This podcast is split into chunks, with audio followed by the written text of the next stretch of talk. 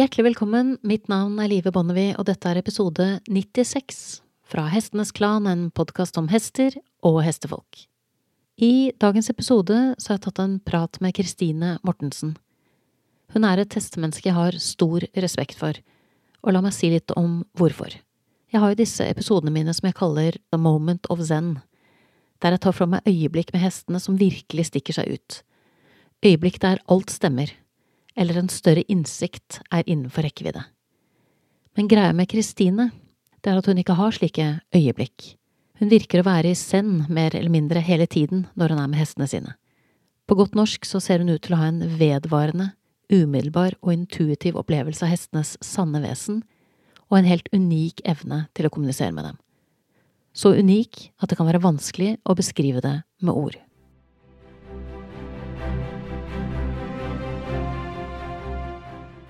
Kristine, her eh, sitter vi og skal ha en prat. Ja. Eh, det er uvant, uh, uvant for deg å sitte foran mikrofon, men jeg tenker at det er ikke uvant for oss å prate. Nei, det er det ikke, men det er litt uvant denne situasjonen, ja.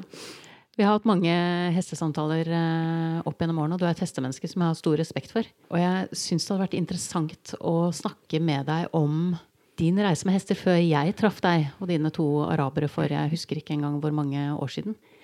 Hvor uh, starta reisen med hest uh, for deg? Uh, God tid. jo. God tid. Altså. Nei, det har ingenting å si. OK. Nei, eh, min um, Jeg fikk jo ikke min første hest før um, jeg gikk på ungdomsskolen, egentlig. Så, og før den tid så hadde jeg brukt uh, utallige timer på å sykle rundt til uh, gårder og ri hester der jeg kunne. Uh, og betale for å ri på hester på den lokale rideskolen var aldri aktuelt for meg, egentlig. Fordi jeg har alltid hatt den der omsorgen for hesten. Eller det at man har sett hesten i øyet, da. Har den det bra eller ikke? Eh, så det har vært liksom sånn viktig for meg for, helt fra starten av, da. Og så har jeg jo alltid vært veldig glad i spenning, og det jeg har aldri vært redd for eh, eh, fart med hesten, da, og energi. Det har jo vært eh, noe som aldri har skremt meg. Så eh, jeg kjøpte en araber som heter Malima, som jeg skulle bruke i konkurranse. Men altså den tida så hadde jeg jo Selv om jeg hadde det derre Egentlig iboende i meg, det derre hvordan, hvordan har hestene det uansett, og fokus på relasjon uten at det var så eh, bevisst på det sånn som jeg er nå, så var hun fem år da jeg kjøpte henne, og jeg bare begynte rett å konkurrere, og det hadde jeg jo aldri gjort i dag, selvfølgelig. Men eh, det endte med at hun var eh, jo ikke klar for det i det hele tatt, og jeg hadde en sånn araber som eh, var helt gal. Kan du si hun løp og løp, og det var vel bare jeg som torde å sitte på. Alle andre tenkte jeg var gal, som satt og tenkte at hun hadde ikke noe der å gjøre. Jeg kjente jo at hun var at hun var vettskremt. Hun var redd, og du så det hvite i øynene, og hun prøvde å løpe fra noe. Så på et punkt der Jeg husker liksom ikke hva som var den avgjørende faktoren, eller hva som fikk meg til å gjøre det. Men jeg tror nok egentlig det var noe, en sånn stemme inni meg som sa bare at du må bare stoppe alt og ta henne vekk fra det. Eh, tok vekk bittet. Var henne i Skien og fikk utreda og fant ut at hun hadde egentlig noe smerter i munnen. Som gjorde at hun egentlig prøvde å løpe bort fra det, da. Men eh, det hadde Jeg husker nesten et halvt år hvor jeg bare tok liksom gikk motsatt retning av alle andre, da. Bare tok henne vekk fra alt og brukte et halvt år i skogen på å begynne i skritt og sitte i skritt på lange tøyler. Tok vekk bittet. Og sitte og puste og synge i skogen. Og fikk eh, fra å liksom løpe hodet i 90 grader og ryggen i spenn, så klarte hun liksom å finne roen sammen med det. Og det var den opplevelsen sammen med henne, da, det lærte hun var noe helt sånn spesielt. Der har jeg tatt med meg, har jeg med meg den dag i dag. Mens jeg hadde henne, så, så flytta vi på småbruk, så vi måtte jo ha en eh, hest til, så ikke hun skulle stå alene. Eh, og da eh, møtte jeg Fatia for første gang. Og det var egentlig en eh, til araber som vi kjøpte fra Førde, som var til min søster, egentlig, da. Eh, men som jeg overtok etter hvert. Eh, hun kjøpte ei Eller hun kom til oss i 2005. Em, så da hadde vi på en måte de to hjemme på gården, og vi Fatia var tre år den gangen og skulle liksom begynne å konkurrere litt med henne òg. Men det var jo ikke konkurranse som var på en måte hovedtingen. Det var jo det å ha hest, egentlig. Vi brukte mer tid i skogen enn eh, på konkurransebanen, da. Men uansett em, Etter de her månedene med, med Malima, hvor en hadde bare Tok en helt annen vei og brukte tid i skogen for henne til å slappe av og ville være sammen med meg. Og at man ikke trengte å bruke så mye makt for å kunne ha kontroll på energien.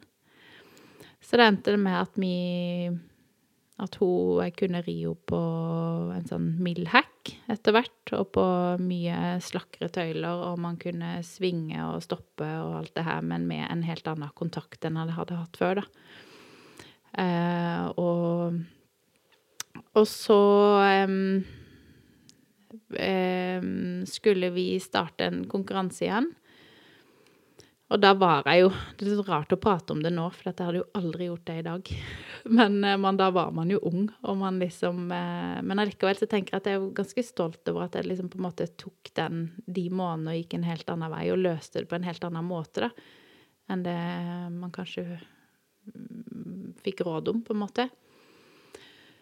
Men da eh, husker jeg så godt en ene gang det var en konkurranse da hvor hun hvor vi måtte reise et stykke, og Fatia sto igjen hjemme da, for da hadde, hadde jeg med henne, og vi eh, Husker mitt lag eh, vant det, det heatet vi nettopp hadde vært i. Og det var sånn Det var så utrolig mestring å kunne sitte på den hesten og ha et samarbeid. Eh, og på en måte være på lag med den enorme framdriften hun hadde. Ehm, men så endte det jo ikke så bra, da, for hun eh, Eller hun døde på den ehm, Ja. Tenkte det gikk greit å snakke om, men eh, Eller, ja. Vi slipper Men- ikke taket selv om Nei. årene går. Nei. Men hun døde på den eh, rett etter vi hadde gått ut av konkurransebanen og skrittet av. Så begynte hun å sjangle, og jeg hopper av, og så før jeg sora det, så detter hele finhesten min i bakken. Um, men det var selvfølgelig for en um, Når man var i ungdomsår, når man var full av hormoner, og hestene var alt, så var jo det selvfølgelig en skikkelig traumatisk opplevelse. Kjørte hun til eh, Veterinærhøgskolen og fikk hun obdusert og kom hjem til Fatia med tom henger. Men eh, man fant heldigvis at det var eh, hovedpulsåra som hadde sprukket, og det de sa mest sannsynligvis var hun født med dette, og det kunne skjedd hvor som helst og når som helst. Og da måtte jeg klart å ha fokus på at det var faktisk godt det skjedde der hvor jeg hadde hjelp og veterinær kunne komme fort, og at ikke jeg var i skogen, som jeg ofte var mest. Langt inn i skogen alene. Så ja. Nei, det var Malima, og det var egentlig min sånn eh, Etter det så konkurrerte jeg lite grann til med med Fatia.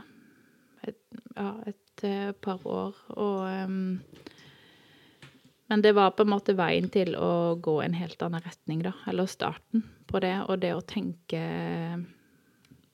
annerledes når man har en hest som viser en eller annen type for atferd, så er det på en måte Det er jo noe de sier ifra om. Og at det er så lett å på en måte bare dømme atferden og tøyle det med en eller annen form for makt, da. Som vi eh, mennesker er veldig gode til når det gjelder hester. Men um, det å heller bruke roen som er i oss, og skogen og det jordnære, til å egentlig bare hjelpe de å finne tilbake til den eh, balansen og harmonien de fortjener å være i sammen med oss, da. Um, Fatih har jeg jo uh, så fort nevnt, og hun er en um, anna, en hest som er, betyr enormt mye for meg, og som du jo vet veldig mye om sjøl. Um, jeg har jo mange sterke bilder av deg og Fatia. Mm. Både på kurs husker jeg veldig godt når vi var oppe sammen med hos Tina Buddeberg i Drømmedalen. Uh, jeg tror, sånn som jeg husker det, så kjørte vi opp sammen, og du lastet av fatet, og du hadde ikke på grime. Og vi var rett ved en riksvei, hun hadde aldri vært der før. Og jeg husker jeg tenkte det er liksom ikke alle jeg kjenner, meg selv inkludert, som driver med hest, som hadde gjort det. Uh, og så var det jo det dere gjorde på banen som gjorde inntrykk på meg av veldig mange ulike årsaker. Og jeg har jo sett etter hvert veldig mange, og også selv ridd uten utstyr på hodet på en måte på hesten. Uh, men du og Fatia var et veldig spesielt sted. Mm. Så jeg har liksom lyst til å snakke med deg om hvordan du kom dit med henne. Altså at du får et så uh, spesielt samspill som dere har. Samspillet med Fatia, eller er um, Det er veldig unikt. Hun er en veldig, veldig spesiell hoppe. Men vi har egentlig bare hatt det sånn hele tida. Vi, eh, vi rei bare inn Fatia uten bitt. Egentlig alltid bare ridde henne sånn. Og eh, jeg har, som jeg sa, jeg har liksom alltid vært eh, Jeg har alltid hatt den derre uh, den Det derre som alle ungjenter har, eller mange har. Det å liksom kunne Eller for meg, da, så var det det liksom å kunne ri rundt i skogen og Jeg var som tror jeg så mer sånn indianerfilmer enn jeg hørte på musikk når jeg var i ungdomsåra, sånn, fordi jeg var så trollbundet av det derre å bare eh, være med hestene, hoppe på de og ri av gårde. Så, men jeg husker jo jeg så noen sånne um, videoer og, og, bilder av folk som rei uten utstyr og halsrem og sånn, og så tenkte jeg ja, det skal jeg òg gjøre. Og så har jeg egentlig, egentlig bare gjort det. Eh, begynte på ridebanen, og så rei vi liksom bare ut. Og så gikk det videre til at um, Parallelt så drev jeg jo med, med den her konkurransen, men uh, etter noen år så da hadde jeg kjøpt en, en annen araber som heter Bashanka. Som eh, ble på en måte nye vennen til Fatia, da. Jeg hadde to. Eh, og Bashanka og Fatia hadde jeg jo i mange år sammen. Så det var liksom meg og de to araberne. Beklager at jeg har litt sånn eh, gråtete stemme, men litt um, Det er jo ikke noe rart Men det slipper aldri eh, taket. Nei, det gjør ikke det, Kristine. Man tenker, ja. Og du har kanskje gråtete stemme, men jeg har, eh, sitter jo på andre siden av bordet med gråtete øyne. Så for gjenkjennelsen er jo så stor. Man, mm. man får plass til disse hestene i hjertet sitt, og de blir der jo alltid. Uh, nei, men først så um, når eh, en, en, dag så bare ble det ikke riktig å konkurrere lenger. Jeg tenkte jeg tok Fatia og Bashanka på hengeren og skulle kjøre til rideskolen for trening. Og, men så sa jo egentlig Fatia at bare, hun hadde ikke lyst til å løpe så fort som jeg ba om. Og hun kunne sparke opp med beinet, vifte med halen. Eh, ha de der øynene som egentlig ikke sier at nå har ikke jeg det kjempegøy, Kristine. Um, så da bare var det en dag det var bare nok. Et sånt øyeblikk som jeg tror mange kanskje har hatt med hestene sine, men istedenfor å erkjenne at det kanskje er nok, så finner man kanskje et tvangsmiddel som gjør at man kan gå videre, tenker jeg. Mm. Så det er noe med hva gjør man når det øyeblikket oppstår? Ja. Nei, men jeg har vel alltid vært den eh, Mange situasjoner tenker jeg er liksom den der sorte sauen som går andre vei. Og det er jo ikke alltid så lett. Men eh, det er veldig verdt det, jeg tenker her er i dag. For det å ta de avgjørelsene som er sånn stikk motsatt av alle andre. Eller eh, prøve å gå den veien som magefølelsen sier, da. Så mm, ja. Nei, men jeg slutta med alt av konkurranse og bare fortsatte å være i skogen. Som jeg hadde vært hele tida, og ri på tur. Og så um, Og det var, det var noe nå Jeg fikk liksom bare øynene opp at jeg vil noe annet. Jeg vil ikke Jeg vil være med hestene mine, som da var Fatih og Bashanka, på en måte som Og de har lyst til å være med meg. Ikke sant? Ikke at jeg skal uh, ta de med på masse ting uh, fordi at jeg syns det er gøy. Det ble ikke riktig å konkurrere lenger. Jeg kunne ikke drive og skal vinne sløyfer og pokaler når jeg ser at uh, Bashanka og Fatia ikke De syns ikke det er gøy. Så da ble det heller ikke riktig for meg. Og jeg er så glad den dag i dag at jeg på en måte hørte på de, da. Uh, det har gitt meg så mye, så mange fine øyeblikk sammen med de og mange andre hester. Um, som Ja. Men eh, jeg ble på et tidspunkt kjent med, som i dag er min gode venninne Alexandra Myhren. Og så fikk jeg på en måte opp øynene og kunnskap om det med at eh, hesten kan jo ikke løpe med hodet i 90 grader i 110 og ha meg sittende oppå der. Og når jeg virkelig begynte å få kunnskap om det her med at nei, hesten må faktisk på en måte ha en sunn kropp, og hvis de skal bli gamle og være sunne i kroppen sin, så må de jo faktisk bære seg på en riktig måte. Jeg begynte å tilegne meg kunnskap om hestens biomekanikk, da, og hvordan den faktisk eh, kunne Når jeg hadde tatt det valget å, liksom, å ri de, at det faktisk var viktig for de å ha en sunn kropp. Og da ble jeg jo veldig opphengt i det her i noen år, da. Og eh, holdt masse på med akademisk ridekunst, som var liksom den innfallsvinkelen jeg hadde på, på det her, og som jeg er veldig glad for i dag. Jeg var praktikant forskjellige steder og lærte masse gode ting. Spesielt eh, det som jeg kanskje har med meg fra den tida, som jeg bruker den dag i dag, er det her arbeidet for hånd. Og um, sånn som Fatia i dag, for eksempel, som, um, som jeg har da hatt fra 2005 til i dag. Uh, hun har vært gjennom masse, stakkar. Der uh, man lærer hvor utrolig tolerante de er òg. Hvor mye feil de aksepterer hvis vi bare er ydmyke tilbake og kan uh, si unnskyld, så de forstår det. For vi tar jo noen ganger noen varme med hestene våre som vi, når vi ser i retrospektiv tilbake, vi tenker kanskje at det var et varv vi kunne spart både oss og dem. Mm. Har du noen sånne eksempler fra den reisen din med Fatia, eksempel? Uh, ja, jeg har masse. Stakkar.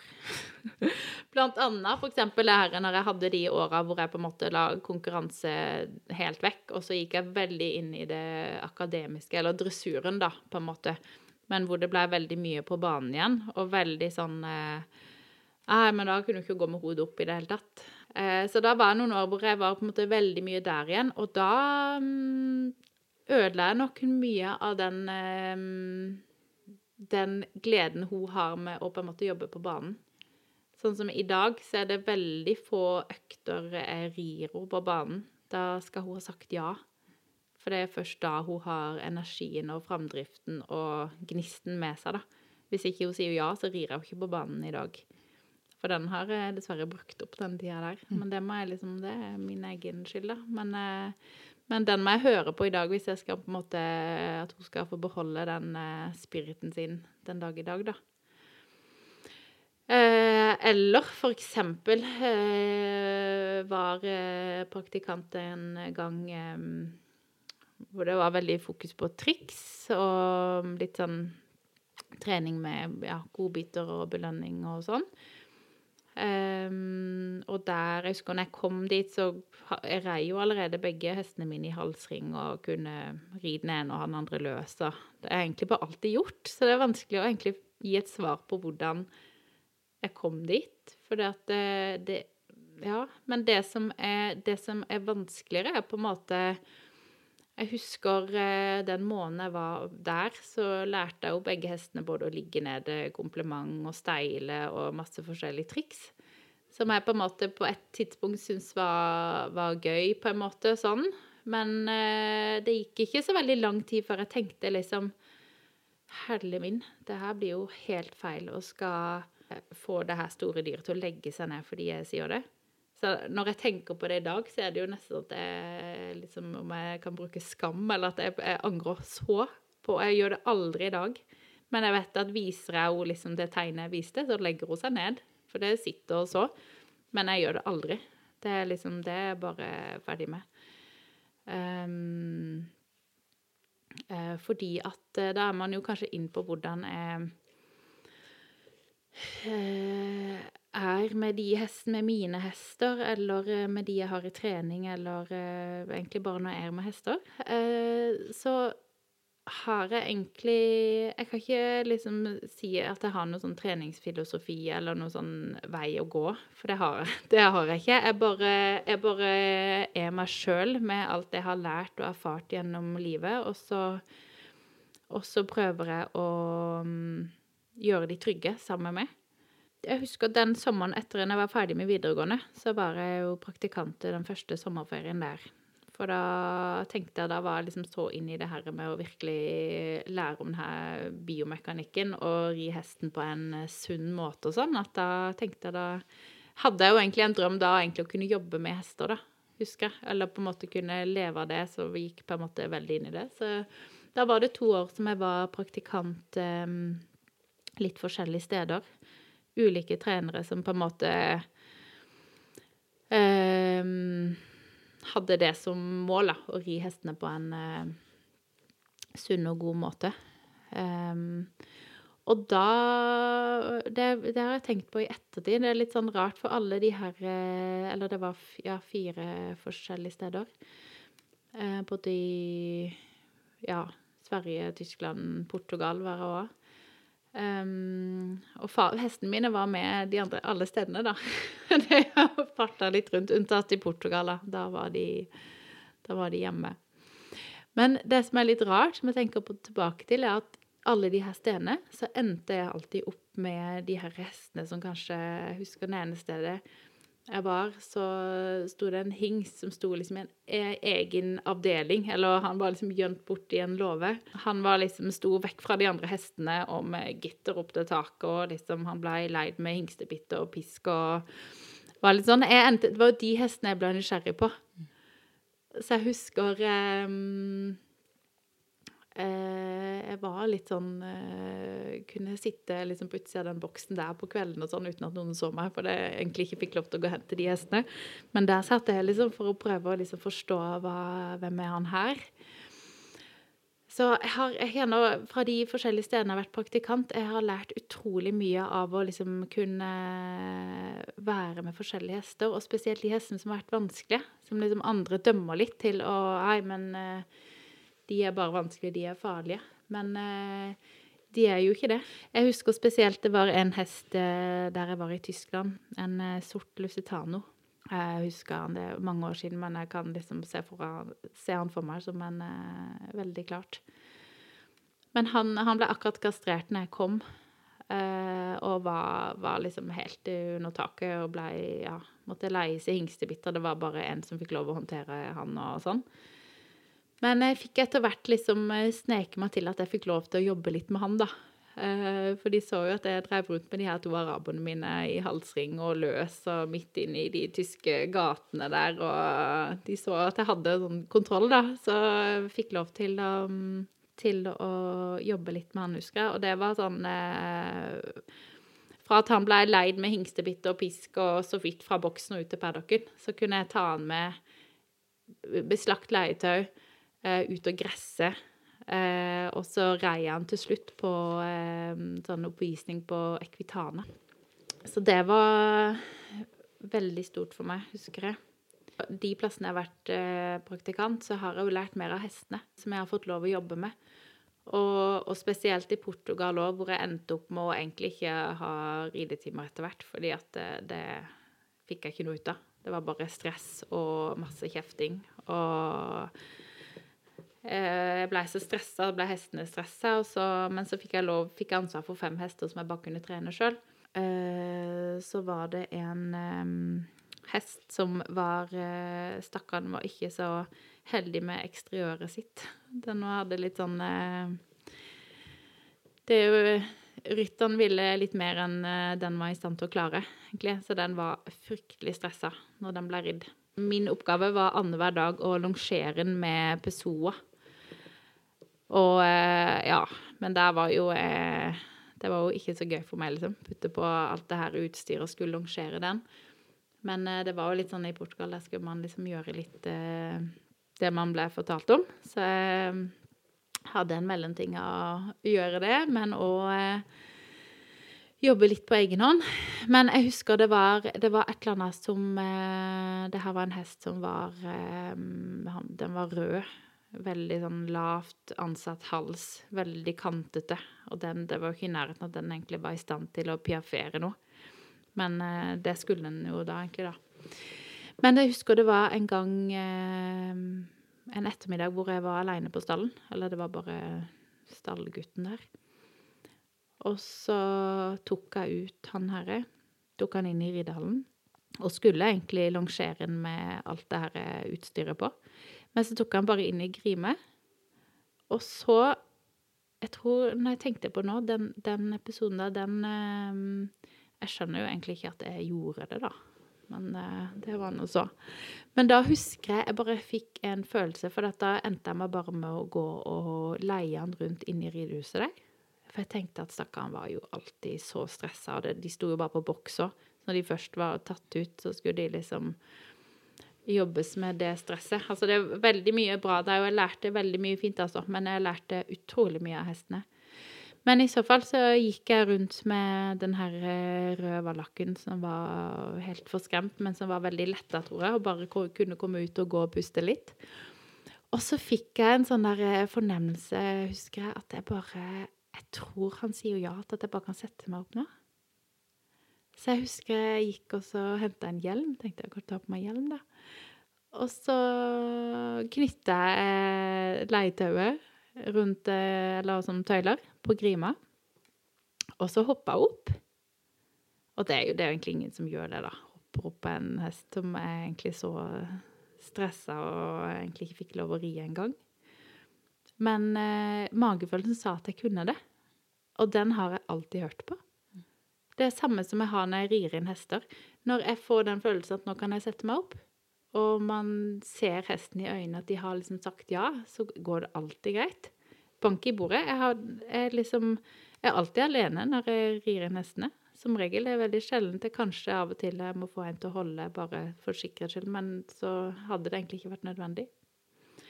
Men i så fall, da, så hoppa jeg opp på han. Og jeg bare Og han sa ja. Og det var sånn Det er en øyeblikk som har satt veldig spor. For da skritta han rundt inne i ridehuset der, i grime, og bare leietauet tøyler. Og han var egentlig så stressa når den ble ridd, og hadde jo både kandar og trinse og blei Altså var helt sånn Men det å kunne hjelpe, eller bare kunne være der og si til han at det er jo greit å bare gå sammen og være sammen. Um, og så husker jeg på et tidspunkt så kom stallgutten eller inn i ridehallen oppe på tribunen der og holdt jo på å få hakeslepp når han så jeg satt der. Men det forble sånn eh, Det forble mellom oss, da. De erfaringene som du beskriver her, er det noe som du har tatt med deg da eh, til de treningshestene som du har i dag? Ja, veldig. Absolutt. Og det er jo det som var fint med å være eh, være praktikant. Man fikk jobbe med eller se så mange forskjellige hester. Og det der eh, Ja. Tatt med meg veldig mye fra selvfølgelig trenerne, trenerne og menneskene som jeg møtte men uh, uten tvil mest fra hestene. Um, når jeg um, hadde vært uh, reist rundt litt, så hadde jeg jo egentlig tenkt til også at jeg på en måte skulle jobbe med hest. Uh, men så fant jeg vel egentlig ut det også være avhengig av å tjene pengene mine på hest. Det er kanskje litt dårlig idé hvis man skal kunne følge magefølelsen og følge det som eh, er riktig, da. Så jeg begynte å studere som lærer, for jeg var så glad i å undervise, da. Så da ble det lærer. Og um, det å jobbe med barn og unge er noe som jeg trives veldig med. Og kunne jobbe med Også det å kunne heller jobbe med hest på sida. Og har, har jo i mange, de siste egentlig 10-12 åra hatt treningshester, ofte på somrene. Mest til innridning, men òg litt sånn eh, atferd. Ja. Eller problemhester. Jeg liker ikke å kalle det det, men sånn, ja. Så det jeg hører deg si, er et resonnement som jeg deler og husker fra min egen reise med hest også. At det er noe skummelt med å blande penger inn i ligningen hvis man har et intuitivt utgangspunkt. Mm. Det er nesten umulig. Jeg lurer på om det kanskje er uh, umulig, altså. Men da opplever jeg vel ut fra det du sier, Kristine, at du har funnet på en måte en slags balanse. Du jobber som lærer og har en inntekt der, og så har du disse treningshestene ved siden av. Er det Har du dem da fordi du ikke helt klarer å la være? Ja Nei, men jeg føler at jeg har eh, eh, Jeg vet at jeg kan gi spesielt de her unghestene, og innridning er jo den kanskje jeg syns er gøyest. At eh, jeg har noe veldig fint å gi til de, tror jeg. Um, det er sånn som jeg skulle ønske at Jeg ser så viktigheten av å gi de unghestene en god start. Og det å kunne gi de en god uh, Vise de en, gi de en god start som ridehest, da. Hva legger du i en god start som ridehest? Hva tenker du er viktig når du setter i gang en, eh, en unghest? Når jeg er med hestene, så tenker jeg egentlig eh, Egentlig så bruker jeg Det å jobbe med barn og unge er ikke så veldig ulikt det å jobbe med hester. Det er egentlig veldig, veldig mye likt. Og jeg, bruker, jeg liker egentlig å bruke det eh, begrepet toleransevindu. Man ser for seg et vindu, og følelsene svinger inni der. Man eh, går av og til oppstemt, av og til mindre, så følelsene svinger. Eh, og når man eh, kommer ut av det vinduet, når kurvene blir for høye eller for lave, så på en måte mister man litt kontakt med seg selv, da. Om man som menneske eh, blir så irritert at man sier dumme ting, eller så sint at man gjør noe dumt, på en måte. Samme kan man se med hestene, at de blir så redde eller så usikre at de går over til stress og løper, eller at de blir så eh, usikre at de må forsvare seg med å sparke eller bite. Men når jeg ser en hest og en eller annen form for atferd, så ser jeg egentlig ikke på atferden. Jeg ser bare en hest som uh, Oi, den er kjempeusikker. Den er jo kjemperedd. Eller den, eh, den, er ikke sint, den bare forsvarer seg. Den, de, enten så kjemper de, eller så flykter de, eller så mm, blir de litt zombie, på en måte, eller gir opp. Det er de tre måtene de reagerer på når de på en måte kommer ut av sitt, sin komfortsone, da, eller sitt toleransevindu. Og det at når man ser på hestene på den måten, for det første så, så Og det skulle ønske flere gjorde. ikke sant? Når man ser en hest som er kjempestress, eller en som sparker etter deg eller biter, så så er det jo ikke en slem hest eller en dum hest eller en som ønsker det vondt. Den er langt utenfor sin komfortsone. Så vi må tenke hvordan kan man få den inn? Hvordan kan man få den på en måte inn i sitt toleransevindu igjen? Um, og da er det jo det, det, Derfor jeg tenker det fins ikke sånn én metode. Det, man må se hvert enkelt individ og hver enkel hest. Men sånn som Jeg kan jo ta eksempel med den som jeg har i trening nå, da. En eh, eh, ung araber som er sånn De er jo ofte veldig følsomme hester. Eh, men samtidig kan eh, bli veldig gira. Veldig fort stressa. Alle har sett, de løper med halen opp og, hodet opp.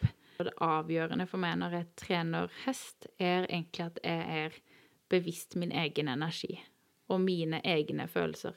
Det er egentlig det viktigste.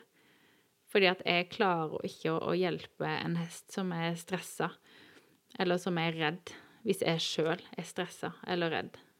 Eller blir sint eller blir forbanna. Så det er sånn der eh, det, det, er så viktig, og det har jeg erfart med å være med mange forskjellige hester, at det er liksom sånn Du, du spiller ikke noen rolle hvilket leietøy du har, eller hvordan grime, eller eh, hvordan signaler du gir, egentlig, så lenge du Du må være på en måte den derre eh, bauta. Du må på en måte signalisere trygghet for hesten, da. Det er et flokkdyr, og den trenger egentlig eh, bare føle seg trygg. Um, det blir bare surr. Herregud, altså. Å, det er så mye jeg egentlig vil si. Ja, og så er vi det intuitive. Eh, sånn at det å skulle koble hjernen på er en uvant øvelse. Det er litt viktig å huske på. Eh, Altså, når du er med hestene, så er du intuitiv. Og nå prøver vi å ta det språkløse over og sette Ja. ord på det. det er det som Og er da blir det veldig vanskelig. Ja. Men det er jo det som gjør det arbeidet du gjør med hester, så interessant. Mm. Det er jo at du klarer Og det tror jeg ut fra det du forteller, handler kanskje mye om at du ikke var på den rideskolen den gangen. Men fant ut Ja. av noe Jeg, selv. liksom ha, jeg, ble, jeg ble liksom ikke helt sånn ødelagt. Eller jeg ble ikke tatt vekk av alt den der eh, indre stemmen som sier er det egentlig er riktig. For det er jo det som jeg har erfart, at den har man jo. Og så hvis man da roter seg bort i en rideskole, som jeg gjorde, Mm. og, og kanskje også roter seg inn i et konkurransemiljø som du gjorde, man blir der for lenge, Mm. så er det en ganske betydelig mengde avlæring som skal til for å klare å finne tilbake. Ja, Og jeg tror noe av det man plukker med seg, og det tenker jeg ofte på i forhold til hesten også, det blir man ikke kvitt igjen. Det har liksom satt spor for godt. Som, mm. Og sånn tenker jeg også i forhold til sånne såkalte problemhester, eller altså at man, man prøver å huske å ha den rausheten at det avtrykket som er satt til dem som vi ikke ønsker at er der, det har noen mennesker satt. Mm. Og da skal man på en måte ha stor respekt for at dyret gjør så godt det kan. Hesten gjør så godt den kan. Mm. Men at det blir vår jobb å, å på en måte avhjelpe Mm. det kaoset som vi selv har skapt. Så når folk da snakker om problemhester, så blir jeg også litt sånn Ja, det, det er et perspektiv, da, men, men det er mye mer interessant å se på den andre siden.